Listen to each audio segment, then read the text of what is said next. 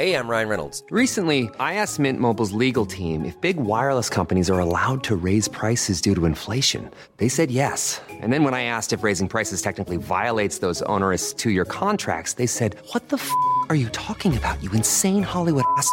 F- So to recap, we're cutting the price of Mint Unlimited from $30 a month to just $15 a month. Give it a try at mintmobile.com slash switch. $45 upfront for three months plus taxes and fees. Promo rate for new customers for limited time. Unlimited more than 40 gigabytes per month. Slows. Full terms at mintmobile.com. Ever catch yourself eating the same flavorless dinner three days in a row? Dreaming of something better? Well, HelloFresh is your guilt-free dream come true, baby. It's me, Kiki Palmer. Let's wake up those taste buds with hot, juicy pecan-crusted chicken or garlic butter shrimp scampi. Mm. Hello Fresh. Stop dreaming of all the delicious possibilities and dig in at HelloFresh.com. Let's get this dinner party started.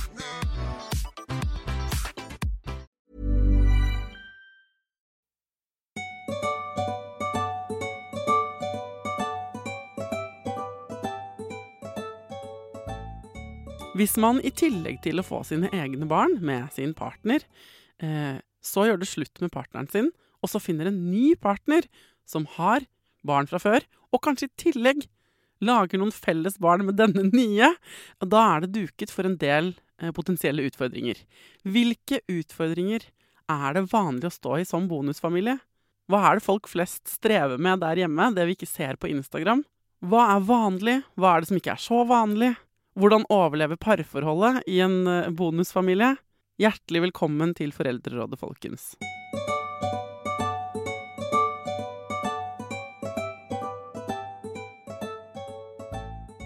Hjertelig velkommen til Foreldrerådet, Mette Nordmann og Kristin Gisholt. Tusen takk. Dere har kommet kvinnsterke fra eh, Kristiania eh, familievernkontor for å snakke om bonusfamilier. Det er riktig. Mm. Um, Mette, du har vært her før en gang og snakket om uh, noe helt annet, om alkoholisme i familien. Kristin, du har aldri vært her før. Det har jeg ikke. Men uh, du, uh, Kristin, er klinisk sosionom og familieterapeut. Og du, Mette, er også familieterapeut. Ja. Sant? Og dere har laget et kurs der hvor dere jobber. Kan ikke dere fortelle om det? Ja, vi har laget et kurs som heter 'Forelska og forplikta'. Jeg jobba litt med den tittelen og er egentlig veldig fornøyd med den, da. Eh, Men kanskje vi skal si litt om eh, hvorfor vi lagde det kurset, eller det engasjementet for å lage det kurset. Fordi at eh, jeg og Kristin fant hverandre veldig i den interessen.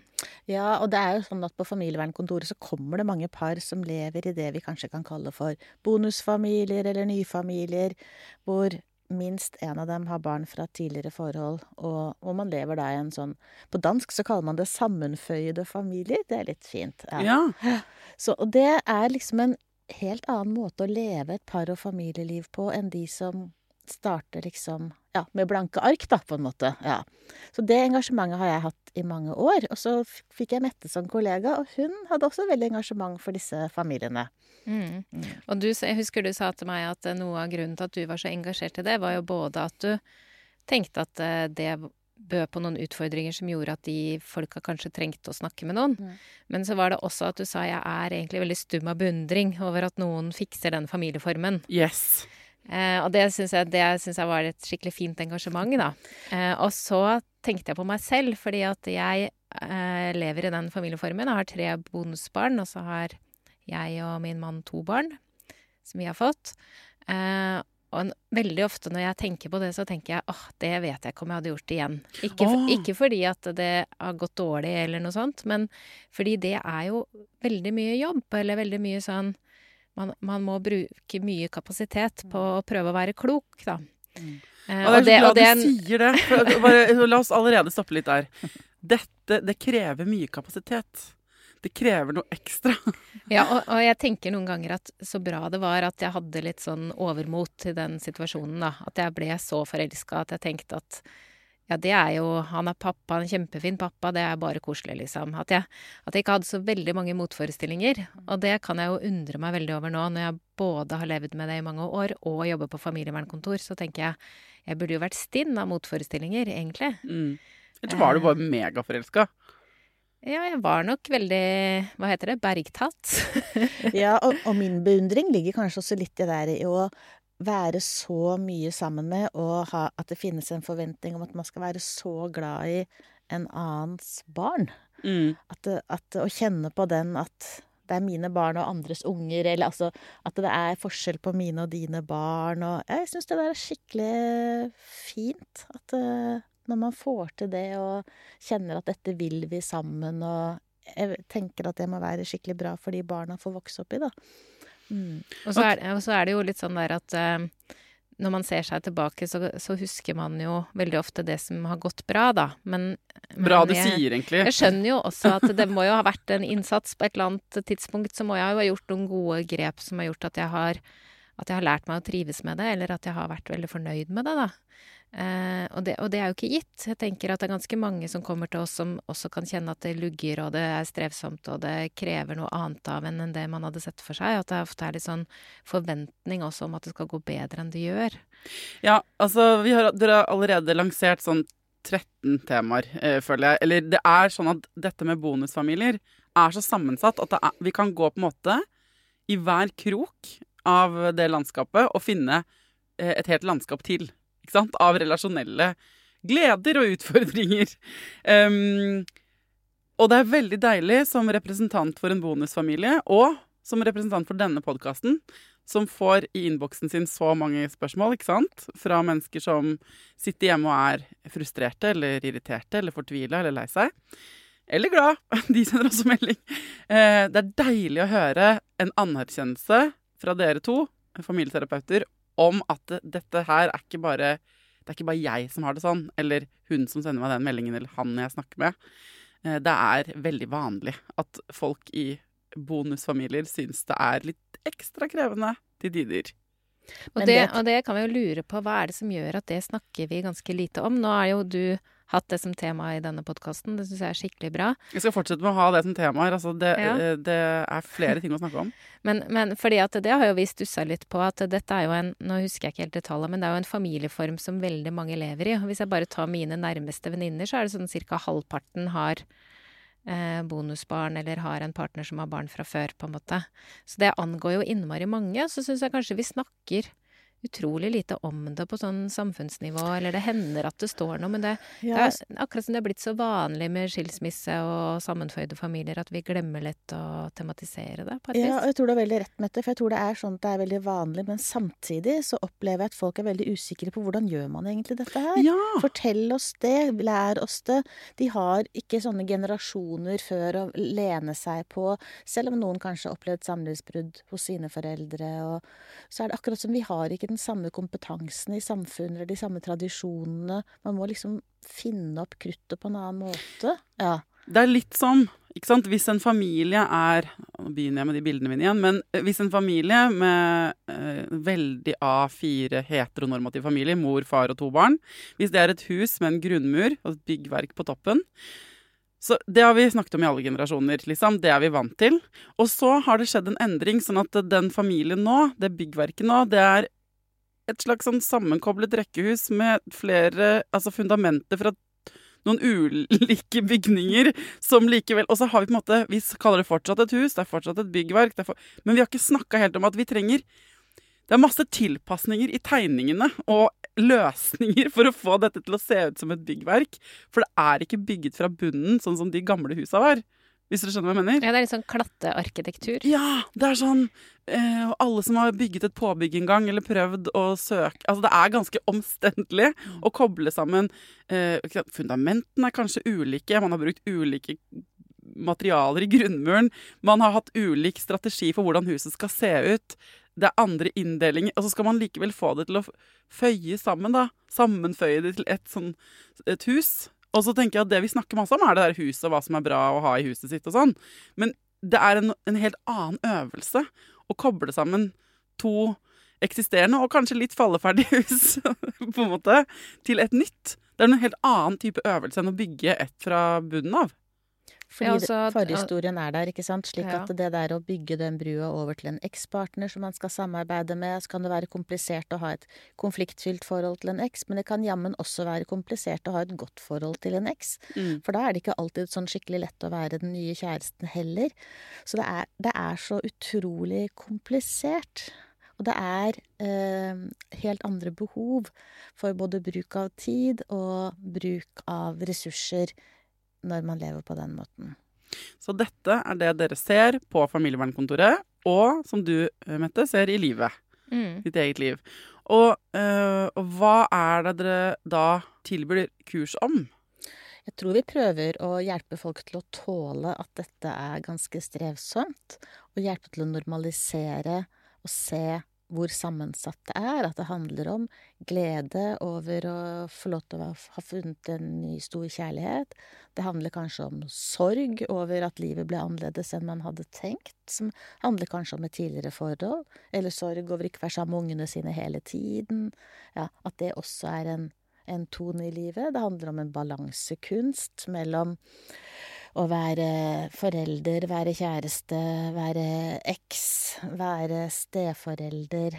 Eh, ja. Og det handler også om slitasje, ikke sant. Det handler om at nå er vi, nå er vi ute i kapittel åtte eller noe sånt nå, og her begynner det å bli ganske tungt.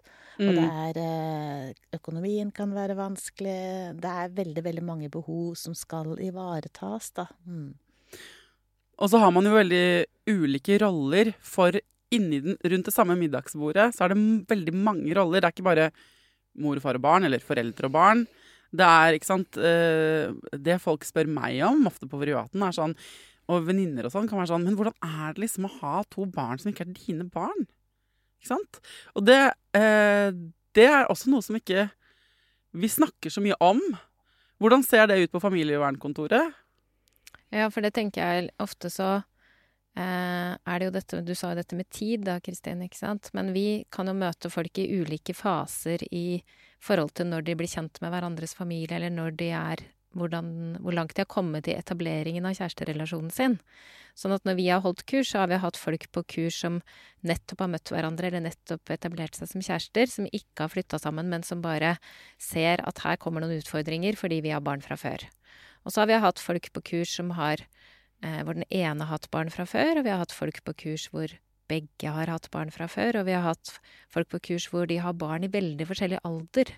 Sånn at det er jo litt sånn som du sier, én ting er jo ja, ok, det er to barn rundt middagsbordet som ikke er mine barn, men det kan jo også hende at det er to barn rundt middagsbordet som er helt i utakt i alder i forhold til dine barn, for eksempel, da. Hvis man, Mhm. sånn som, hvis man har tenåringsbarn, og så har man baby, ikke sant. Det er, det er ganske forskjellig. Det er ganske krevende for noen familier å finne en form og en måte å være sammen på som blir ok for alle. Ja, Han er og en sånn kan være- bonusfamilie som skulle på kino, da, og så hadde de fire barn til sammen. Og så var den eldste var 15, og den yngste var 3. Og da skulle de Skal de gå på Knerten, liksom? Eller så Altså, hva skal de gå og se da? Og da det der å liksom bare tenke litt høyt om det, da. Hva er det som blir hyggeligst for oss? Kanskje vi kan gå på kino inni det samme kinohuset, men vi må kanskje gå i hver vår sal, fordi det er, blir veldig kjedelig. Men det og veldig jo belastende for 15-åringen å se på Knerten, på en måte. Ja, enig. Altså, spesielt de der småbarnsfilmene er belastende for alle over eh, ti, mener jeg, da. Eh, men, uh, men det der kan jo skje i en klassisk familie òg. At man har en natt på klatt, liksom. At man har barn i, sånn, i et spenn. Aldersspenn. Det man ikke tar med akkurat i det eksempelet der, som jo også gjør seg gjeldende rundt det middagsbordet, eller på den kinoturen, det er at de barna har også ulik innstilling til foreldrene rundt det bordet. Fordi du kan ha eh, bonusbarn fra den ene familien som ikke liker at det har blitt bonusfamilie. Mm. Mens eh, andre er kanskje eh, det nye parets nye felles barn, som jo er sammen med mammaen og pappaen sin. Eller det kan være ikke sant, i uh, Ulike barn er jo veldig ulike. Det vet Noen vi jo. Noen barn syns det er veldig spennende og attraktivt også med fars eller mors nye kjæreste. Kjempe, ikke sant? Og, uh, og kanskje er det som, eh, har det som en favorittperson, fordi det er et nytt menneske de gjerne vil knytte seg til. Man hører jo egentlig ofte mest om det motsatte, men det kan også være utfordrende hvis bonusbarnet ditt forelsker seg helt i deg, og du selv tenker sånn, vet du hva, det blir litt mye for meg. Eh, eller mitt eget barn blir sjalu fordi bonusbarnet mitt nå klatrer opp på fanget mitt mye. Og så er det jo sånn at, vi, at alle foreldre er jo nesten sånn genetisk innstilt på å lese og tolke sitt eget barn med omsorg og kjærlighet og forståelse. Det er jo litt den klassiske det at hvis du har to babyer ved siden av hverandre, så kan du tenke at den ene er en skrikerunge, men den andre er min, så den gråter, den har ikke fått nok mat, eller den er kanskje gjort i Mm. bleia, eller et eller annet. Man har mye mer sånn finstemt og sensitiv innstilling overfor egne barn enn for andres, og det kan være ganske vanskelig i en bonusfamilie at vi faktisk leser hverandres barn veldig forskjellig, fordi vi har en helt annen sensitivitet i møte med egne barn. Ja, og så mener jeg at jeg skal legge til et level på det. fordi at hvis man da vet det, og er var på det, så kan man overkompensere andre veien. For man kan også ha lettere for å kjefte på og sette grenser for sitt eget barn enn for andres barn. Fordi man nettopp er redd for å favorisere eget barn, så man går kanskje egentlig litt sånn hardere ut på, mot sitt eget barn enn mot de andre, fordi man vil veie opp for dette med at man i hvert fall ikke skal favorisere egen unge. Og det er jeg glad for at du sier, for det merker jo da ditt eget barn, ikke sant. Og vi har jo snakket med mange av de barna som, som merker det at mamma eller pappa blir litt strengere, eller de blir litt mer firkanta, eller Mm. de hører ikke så mye på meg mer. Det er akkurat som de hører mer på Magnus, som bare er der annenhver helg, enn de hører på meg, som er der hver uke, eller et eller annet. Ja da. Mm. Ja. Og da er du jo på det derre For vi snakka jo litt om det derre forelska og forplikta, men vi, vi har jo vært opptatt av det at det er veldig dobbelt. Det er en tilværelse hvor det er veldig mange gleder. Det blir større gjeng rundt middagsbordet, og det er mye Kanskje mye mer å dele, og mange flere perspektiver, og veldig spennende, som du sier. Noen syns jo det er veldig er veldig nysgjerrig på den tilværelsen, på en måte. Mange barn syns jo at det kan være litt spennende. Noen barn kan synes at det er bare dumt. Men, men det derre at det er veldig dobbelt. Det, er, det kan være en belastning, men det kan være en glede. Det kan være en utvidelse, men det kan også representere en begrensning. At det, du spurte litt hva vi snakker om på det kurset. Vi snakker veldig mye om det, da. Hvordan få plass til alle i familien. Hvordan forholde seg i de ulike rollene, som du sier, for ikke å få overslag også. ikke sant? Når vi, hvis vi blir veldig redde for å være den onde stemora, så kan vi bli veldig utflytende og grenseløs og kanskje ende med å bli bitter og, og fortvila og utslitt, fordi at vi har strekt oss så langt, da. Men, men la meg bare stoppe deg. Hvordan får man plass til alle? Det er, vi har snakket mye om kalenderliv, kalenderkabal, eh, og er kalenderen en god venn som hjelper oss å få mest mulig ut av livet, eller er kalenderen en tvangstrøye som setter begrensninger? Der er det jo mye å snakke om og mye å hente i forhold til det å ligge litt i forkant, i forhold til det å faktisk se at det er mange behov som skal ivaretas.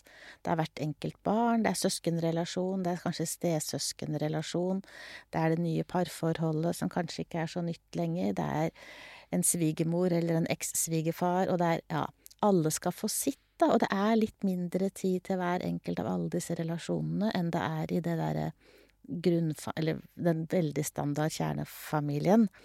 Slik at det er jo ett punkt, å faktisk bruke kalender og planlegge og legge til rette på den måten det er mulig.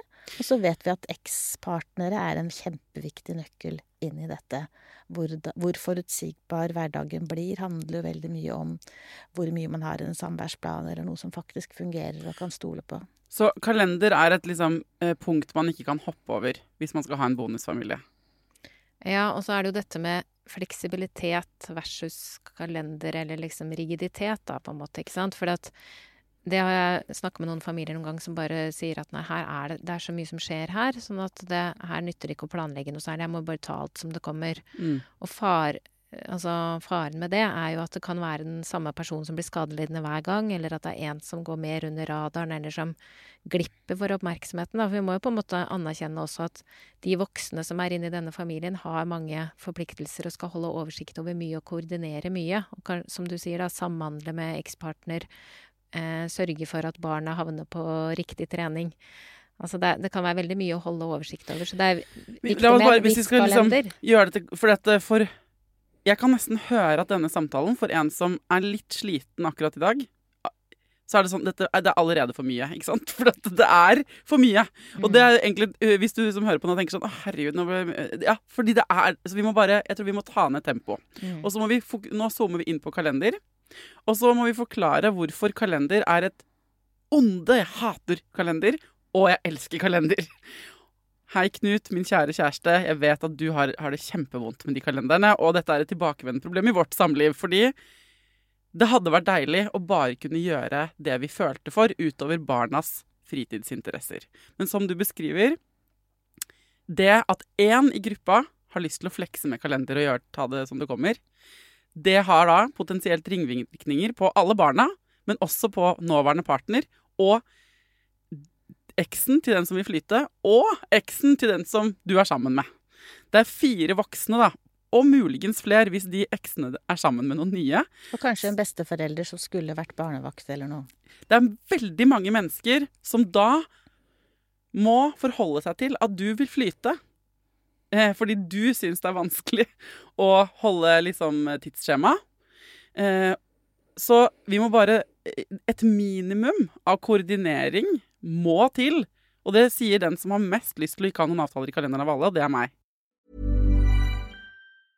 Ready to pop the question and take advantage of 30% off? The jewelers at BlueNile.com have got sparkle down to a science with beautiful lab grown diamonds worthy of your most brilliant moments. Their lab grown diamonds are independently graded and guaranteed identical to natural diamonds, and they're ready to ship to your door. Go to BlueNile.com to get 30% off select lab grown diamonds. That's BlueNile.com for 30% off lab grown diamonds. BlueNile.com. A lot can happen in three years, like a chatbot may be your new best friend. But what won't change? Needing health insurance. United Healthcare Tri Term Medical Plans, underwritten by Golden Rule Insurance Company, offer flexible, budget friendly coverage that lasts nearly three years in some states. Learn more at uh1.com. Want to teach your kids financial literacy, but not sure where to start?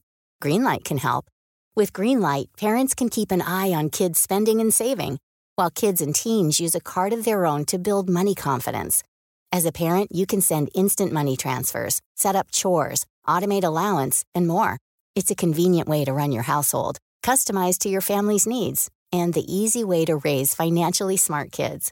Get started with Greenlight today and get your first month free at greenlight.com Kan, jeg prøver å pushe det litt nå, men kan vi være enige om, kan dere fra familievernkontoret være enige om, om at vi må ha noe system på kalenderet, selv om vi hater å måtte forholde oss til det? Først så har jeg lyst til å si til Knut, da, som du nevner, at eh, det er jo ikke rart om man har lyst til å flyte litt. Det er helt menneskelig å ha lyst til å være fleksibel. Jeg har også lyst til det! Og til deg og Thea. Det er, helt, det er ikke rart at man kjenner på det. Og så er jo det veldig vanlig at man kan hate kalender når man trenger kalender som mest, kanskje. ikke sant? Når man, når man vet at det er innmari mange avtaler, så er det ganske kjedelig å sette seg ned med den kalenderen, for da ser man at hvor ble det av den tida som skulle vært til parforholdet vårt, da? Eller til å Ja, sitte hvor- og lese en bok, eller se på en serie sammen, ikke sant. Det, det er jo litt sånn realitetsorientering som er litt vond, Og så det er ikke så rart. litt usexy å tenke på parforhold som en del av en kalender. Men eh, jeg må bare si dette kommer fra en kvinne som Jeg vil, spør mine venninner, jeg vil aller helst ikke ha planlagt sånn middager og koselige aktiviteter i kalenderen min. Fordi jeg vil den aktuelle lørdagen kjenne etter. Er jeg keen på å invitere dere på eh, liksom, ost og vin? Eller er jeg keen på å være hjemme? Så jeg er også veldig fan av å leve et litt sånn kalenderløst liv. Men når dere har anerkjent at dere forstår det, kan dere også være enige om at vi må ha det som voksne mennesker som skal fungere i et samfunn. Jeg kommer ikke til å gi meg før dere gir meg et ja eller nei. Jeg vil jo si at hvis man lever i en bonusfamilie, så er det kanskje litt ekstra kritisk å ikke ha det. Så ja, Eh, man må ha det. Sånn, sånn at jeg skal ikke si at det ikke er mulig å ikke ha det, men jeg tror at det blir kan potensielt bli mange misforståelser, og også litt sånn prioriteringer man ikke blir så fornøyd med hvis man ikke har noe kalenderstruktur. Også hvis man er enig om det at på lørdager tar vi det litt som det kommer, og begge ønsker det, så er det jo ingenting i veien for det. Men, men jeg tenker sånn på generell basis å ikke forholde seg til kalender, da tror jeg det blir mange frustrerte sjeler inni den. Du beskrev jo at det er mange mennesker da, som blir Mm. involvert i det. Ikke sant? Men det handler jo ikke om kalender, det handler vel om forutsigbarhet, både for barn og voksne. Slik at Mm. i den forutsigbarheten så får man noen rom til å slappe av, og til å kunne vente litt, eller til å finne på Oi, nå hadde jeg tid til en løpetur, eller ja. Fordi jeg vet hva som skjer neste på, kalen på kalenderen, eller i, hva som er neste plan, da. Mm. Og det tenker jeg også gjelder barn, for barn trenger jo en eller annen form for forutsigbarhet. De trenger å vite hvem som henter meg på skolen, eller om er jeg skal til det eller det hjemme, i hvert fall. Trenger de å vite som en sånn overordnet ting i livet sitt, for at de skal kunne eh, innstille seg på hvordan livet skal være. Eh, ja. Og bare, dere sitter jo sikkert ofte i samlivsbrudd, da, hvis du begynner liksom litt enklere. At et par går fra hverandre så barna skal være noen dager hos den ene, for den ene forelderen og noen dager hos den andre. Allerede der så må man jo ha en avtale. ikke sant? Der Hvis man bor under samme tak og har en sånn organisk rytme, så tenker man kanskje ikke over det, fordi barna er hjemme hos dere to, begge to hele tiden. Uh, mens med en gang man flytter fra hverandre, så kommer dette hvem, hvem skal ha barna når? Og hvordan gjør vi det? Og da kommer man jo inn med datoer og tidspunkter. Så det er der det begynner. Det. Og så møter du en annen med en annen sånn avtale med sin. Og det er der det på en måte multipliseres i uh, Det leveler opp, da. Uh, liksom masse. På hvert level. Og en av de viktige tingene vi som familieterapeuter kan gjøre når vi møter folk i brudd, det er jo å lansere tanken på at dere er fremdeles venner, og dere trenger å heie på hverandre videre i livet. Dere altså lansere ideen om å gjøre livet litt enkelt for hverandre. Mm. For det er jo en kjempegod forebygging den dagen en av dere møter en ny kjæreste som man har lyst til å slå seg sammen med. Hva Vi går enda mer inn i det kalenderdelen. For altså her var toppspørsmålet 'hvordan få plass til alle', og så hoppet du rett eh, inn i kalender som et viktig undertema. Ikke sant? Og jeg tenker, la oss gå enda mer konkret til verks. Hva, er, hva anbefaler dere en bonusfamilie å ha som et minimum når dere snakker om kalender? Hva mener dere egentlig? I hvert fall at kanskje du sørger for å få noe tid alene med det som er ditt barn, eller dine barn. At ikke det alltid skal være bare tid i den nyfamilien, men sørge for at det barnet som også har et annet hjem, ikke alltid treffer en steforelder eller stesøsken når de er sammen med deg. Ja, bra punkt. I kalenderen så skal det være liksom alenetid, og det trenger ikke å være skrevet i kalenderen, men du skal bare sørge for at det skjer i løpet av den tiden Og vis dere er barna at det skjer. Ja. Det var hyggelig at det var bare du og jeg denne ettermiddagen. Mm. Mm. Mm. For det trenger ikke å være noen store ting, ikke sant? Men det kan være bare å få lov til å være hjemme alene med mamma, for eksempel. En eller annen gang i den uka jeg var der. Ja. Så var det bare oss to som var hjemme. Eller Det, det trenger ikke å være noe stort arrangement eller noen stor eh, hendelse. Ja, vi bodde jo på Torshov før Tidemann og jeg, og har levd i, sant, i ni år eller ti år alene, bare vi to. Eh, så, og en eh, av de tingene vi gjorde på Torshov Jeg tror Tidemann tenker at vi gjorde det hele tiden, vi gjorde ikke det hele tiden. Men vi bestilte innimellom takeaway. Det skal jeg gladelig innrømme. Sushi eller et eller annet sånn digg asiatisk fra et eller annet sted. Og så var det ikke noe mer uh, begivenhetsrikt enn at vi bare hang. Vi ventet på liksom leveringen, uh, eller gikk og henta det da. Og så var på en måte stunden bare det at vi, liksom, det var stas å åpne de boksene med takeaway og se på TV, liksom. Og dette har blitt en ting, så nå bor vi litt utenfor allfarvei. Det er ikke så mye takeaway der hvor vi bor nå. Så det har blitt en ting som når vi får anledning, hvis jeg er alene hjemme med han, så kan jeg se at han bare Kan vi spise sushi, eller noe sånt? Og så er jeg sånn Ja, herregud, det kan vi jo godt. Det ordner vi, liksom. At det eh, og, Så det prøver jeg å få til. Da blir det ekstra luksus. Men jeg har også skjønt at det ikke egentlig handler selvfølgelig om den takeawayen, men den han kaller det den viben, som når vi to er alene, da. som kan være at jeg lager ostesmørbrød, for nå har det blitt så dyrt og alt mulig. Men jeg kan jo på en måte bare la et eller annet sånn comfort food-aktig som kunne vært takeaway. Og at vi setter oss litt sånn Vi spiser ikke ved kjøkkenbordet, sånn som vi alltid gjør når vi er alle. Vi setter oss liksom i sofaen i TV-stuen og spiser mens vi ser på noe. Og jeg tenner kanskje et stearinlys.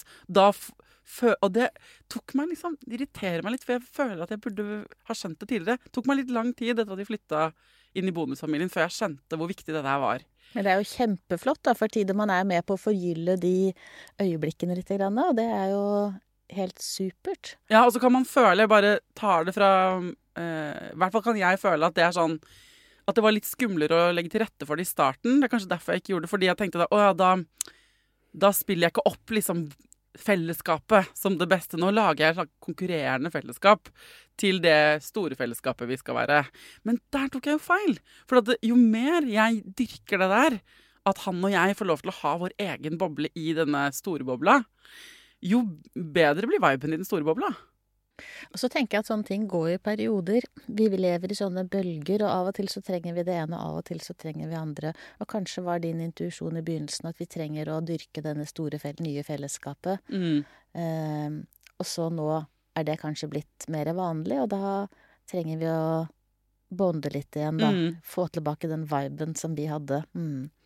Men ser dere det andre, da må dere bare korrigere meg. Min erfaring er at man med hell kan dyrke veldig den tosomheten eller tresomheten man har hatt før, uh, uten å være redd for at det går utover fellesskapet. At det kanskje er mer hensiktsmessig eller ikke. Men det kan jo hende dere ser det motsatte. At dere ser bonusfamilier hvor de bare gjør det, og så bor de bare under samme tak, og at det ikke funker. Så det vet jo ikke jeg. Nei, jeg tror kanskje at uh, en viktig faktor for å lykkes med det, er å snakke om hva det er man gjør, da. Eller hva Mm. er det som skjer, ikke sant. Hvis du plutselig hadde begynt å gjøre veldig mange ting sammen med Tidemann, og ikke med de andre i familien, så kunne jo kanskje din partner da lurt på hva er det som skjer nå, trives dere ikke her, eller hva er det som foregår Ja, ja. nå, på en måte. Eh, Så det der å liksom snakke om at nå ser jeg det at nå har vi jo etablert en stor og fin gjeng her, og nå merker jeg det at Tidemann kanskje trenger meg litt mer en periode. Nå snakker vi jo veldig mye om Tidemann, da, men, men for eksempel Hei, Tidemann, du blir et eksempel nå. ja.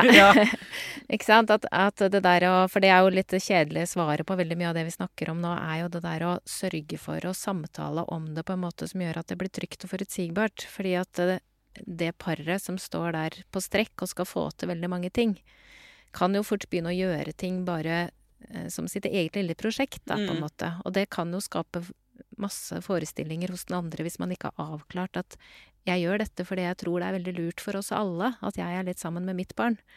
Er noe annet enn å nå trives vi ikke så godt her i denne storfamilien allikevel, det ble litt utrygt, så nå prøver vi å ha vårt eget lille familieliv her borte. Ja. Det er, det er to veldig forskjellige uttrykk, da. Men det er det samme som foregår, men man kan tolke det i ulik retning.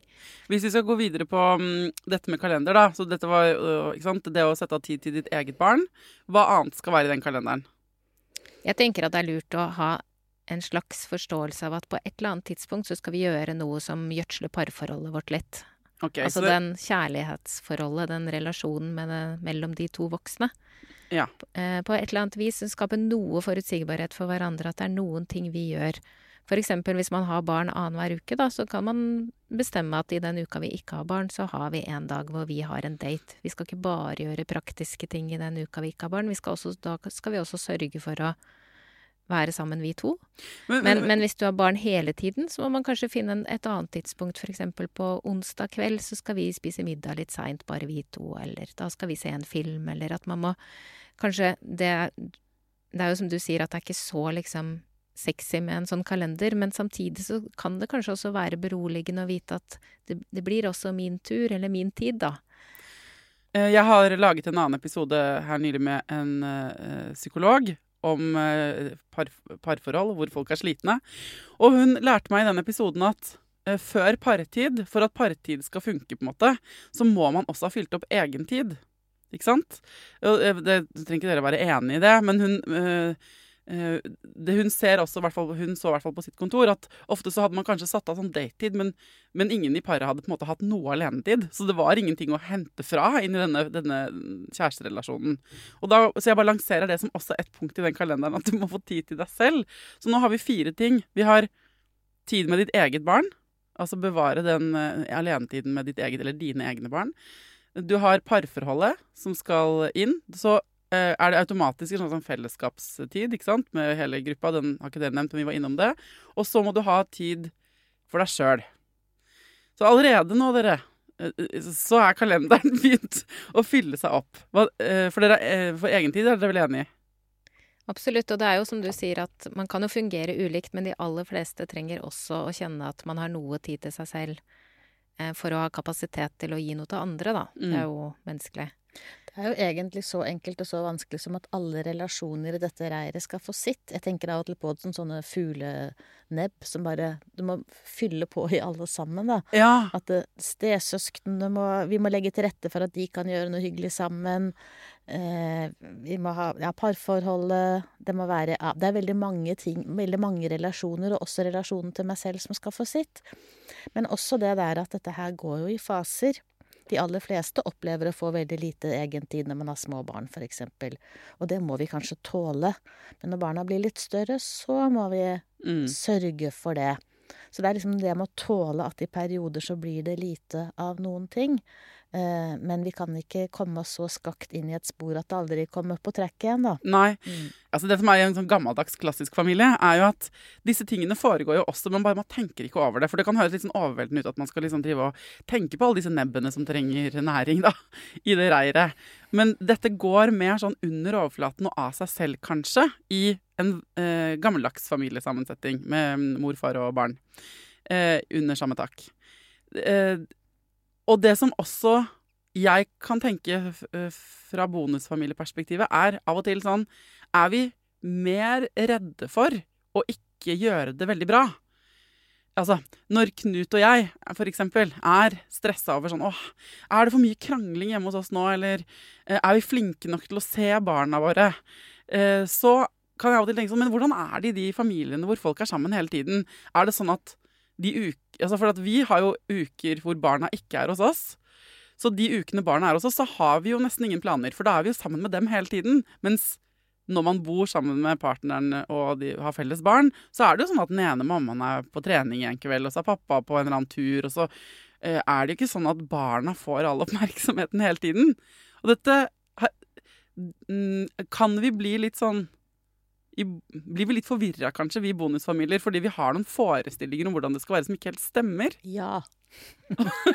ja. Yes, jeg fikk et helt klart svar. Fordi jeg, jeg, har snakket med så mange barn som har to hjem, og som også blir litt overveldet av det. Det blir nesten for mye fokus. Ja. Så det er noe med å få lov til å gå litt under radaren, i hvert fall når de begynner å bli litt oppi Altså fra 10-12 og oppover i tenårene, da.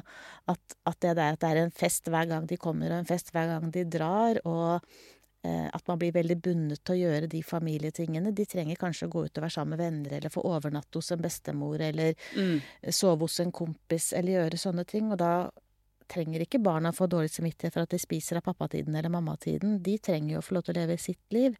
De skal jo bli flyvedyktige og fly på egne vinger, uh, av- uavhengige av eh, foreldrene. Mm. Så jeg tror du er inne på noe ganske viktig. At vi, vi blir som foreldre veldig opptatt av å gjøre det riktig, og så glemmer vi litt at barna er i sin egen utvikling. Ok, jeg skal prøve å oppsummere. Vi har på en måte altså Feltet bonusfamilier dere er så stort, og antallet nebb som dukker opp i det reiret, og behov og, eh, av både liksom emosjonell og konkret eh, liksom organisatorisk art Det er så mange det er så mange ting at jeg tenker at vi må lage bare flere episoder om dette. Eh, så jeg skal prøve å oppsummere det vi har snakka om nå. Eh, eh, Mette og Kristin familieterapeutene kan bekrefte at det er kjempevanskelig med sammensatte eller sammenføyde familier. Det er også gøy og hyggelig og eh, givende, men det er rotete og kaotisk for mange av oss, og de syns ikke vi snakker nok om det. Det er veldig deilig å høre for meg og andre bonusfamilieentusiaster der ute. um, I tillegg til at vi har på en måte beskrevet landskapet noe, både for dere som er i bonusfamilie selv, som kanskje kjenner dere igjen, men også for dere som ikke er i det enda, som vurderer å gå inn i det, eller som står på utsiden og ikke skjønner helt hva det handler om. Og I tillegg så har vi fått tak i liksom et litt sånn konkret tema jeg er glad vi har fått snakket om, og det er dette med kalender. For, at, eh, for å oppsummere akkurat det Kalender er noe du må forholde deg til på en eller annen måte idet du og den du har barn med, går fra hverandre. Eh, For da, da, da må dere bli enige om hvordan dere skal forholde dere til eh, deres barn, og hvem som skal være hvor, når og sånn. Og så vil dette bare utvikle seg diametralt og raskt med en gang de blir sammen med en ny. Hvis vedkommende har barn, hvis de har ekser, hvis de eksene har nye kjærester som også har barn, osv. Så, videre. så eh, du må finne en måte å elske kalender på. Nei da. Men du må finne en måte å deale med kalender på. Og hvis du er den i gruppa som sier 'men kan vi ikke bare chille litt', så skjønner jeg deg veldig godt. Jeg vil også egentlig bare chille. Men det er økt stress ofte for alle de andre voksne i den relasjonen. Så da må dere bli enige om en slags sånn hippie-chill-kalender, da. I så fall. Akkurat det der var det jeg som la til. Det er ikke familieterapeutenes råd. Men, men, men kalender er en ting. Det er en ting, og vi vet, vet Du har hele mitt hjerte, det er vanskelig, men vi kommer ikke unna det. Er det en ok oppsummering så langt, dere? Og så må jeg invitere dere tilbake, for jeg trenger å snakke om konfliktene. Vi trenger å gå inn i alle følelsene i disse fuglenebbene i dette reiret. Og eh, jeg vil gjerne snakke om hvordan man gjør den transparensen og klarer å ha de derre Hvordan forstå hverandre, egentlig. Men vi, vi har ikke tid til det nå. Kan dere komme tilbake en annen dag? Vi kan godt komme tilbake. Mm. Og du som hører på, hvis du sitter igjen med et spørsmål og tenker sånn Å, herregud, jeg trenger at disse to familieterapeutene svarer meg konkret på min greie, send det til meg på Instagram, så skal jeg eh, screenshotte det og legge det i en mappe og ta det med Kristin og Mette. OK? tusen takk for at dere kom. Tusen takk for at vi fikk komme. Takk for oss.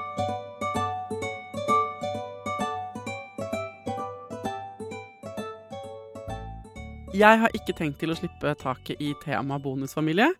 Eh, hvis du har spørsmål enten til de damene som var her nå, eller til noen andre eksperter, hvis du trenger helt konkrete tips til løsninger eller strategier, så må du bare komme med dem til meg. Send meg det på Instagram, på Foreldrerådet-kontoen der, eller på mail til foreldreradet at gmail.com. Tusen takk for at du hører på, og at du deler med vennene dine. ikke sant? Måten folk oppdager en podkast på, selv om den har vært der i 100 år, sånn som denne podkasten er, det er jo at folk anbefaler eh, det videre. Så eh, hvis du hører på Foreldrerådet, hører noe du liker, del det gjerne på Instagram eller Facebook, eller si det til vennene dine. Det blir jeg veldig, veldig glad for. Til neste gang, ta vare på deg sjæl, ta vare på ungen din, og lykke til.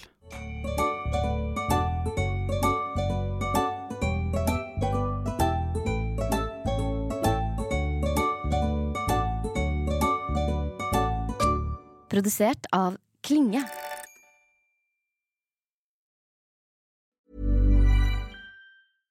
Step onto the legendary clay courts of Roland Garros, where the world's best players battle it out at the French Open for a chance to win a Grand Slam title. Tennis Channel Plus is your place to watch. Stream every court from your phone or smart TV live in HD. See the action unfold as legends fight for glory and new rivalries emerge. Daily live coverage begins Monday, May 20th, with match replays on demand so you never miss a moment. From the first serve to the final point, Roland Garros promises unforgettable moments and new chapters in tennis history. Stream now with Tennis Channel Plus to be there when it happens. Ever catch yourself eating the same flavorless dinner three days in a row? Dreaming of something better? Well, HelloFresh is your guilt free dream come true, baby. It's me, Kiki Palmer. Let's wake up those taste buds with hot, juicy pecan crusted chicken or garlic butter shrimp scampi. Mm.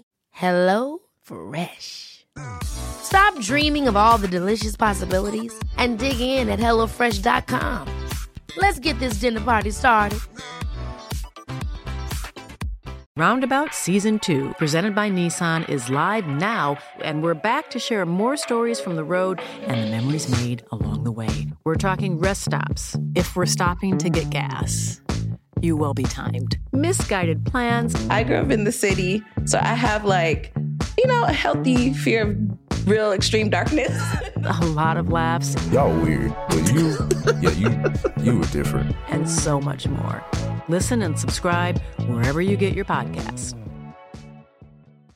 Hi, this is Kristen.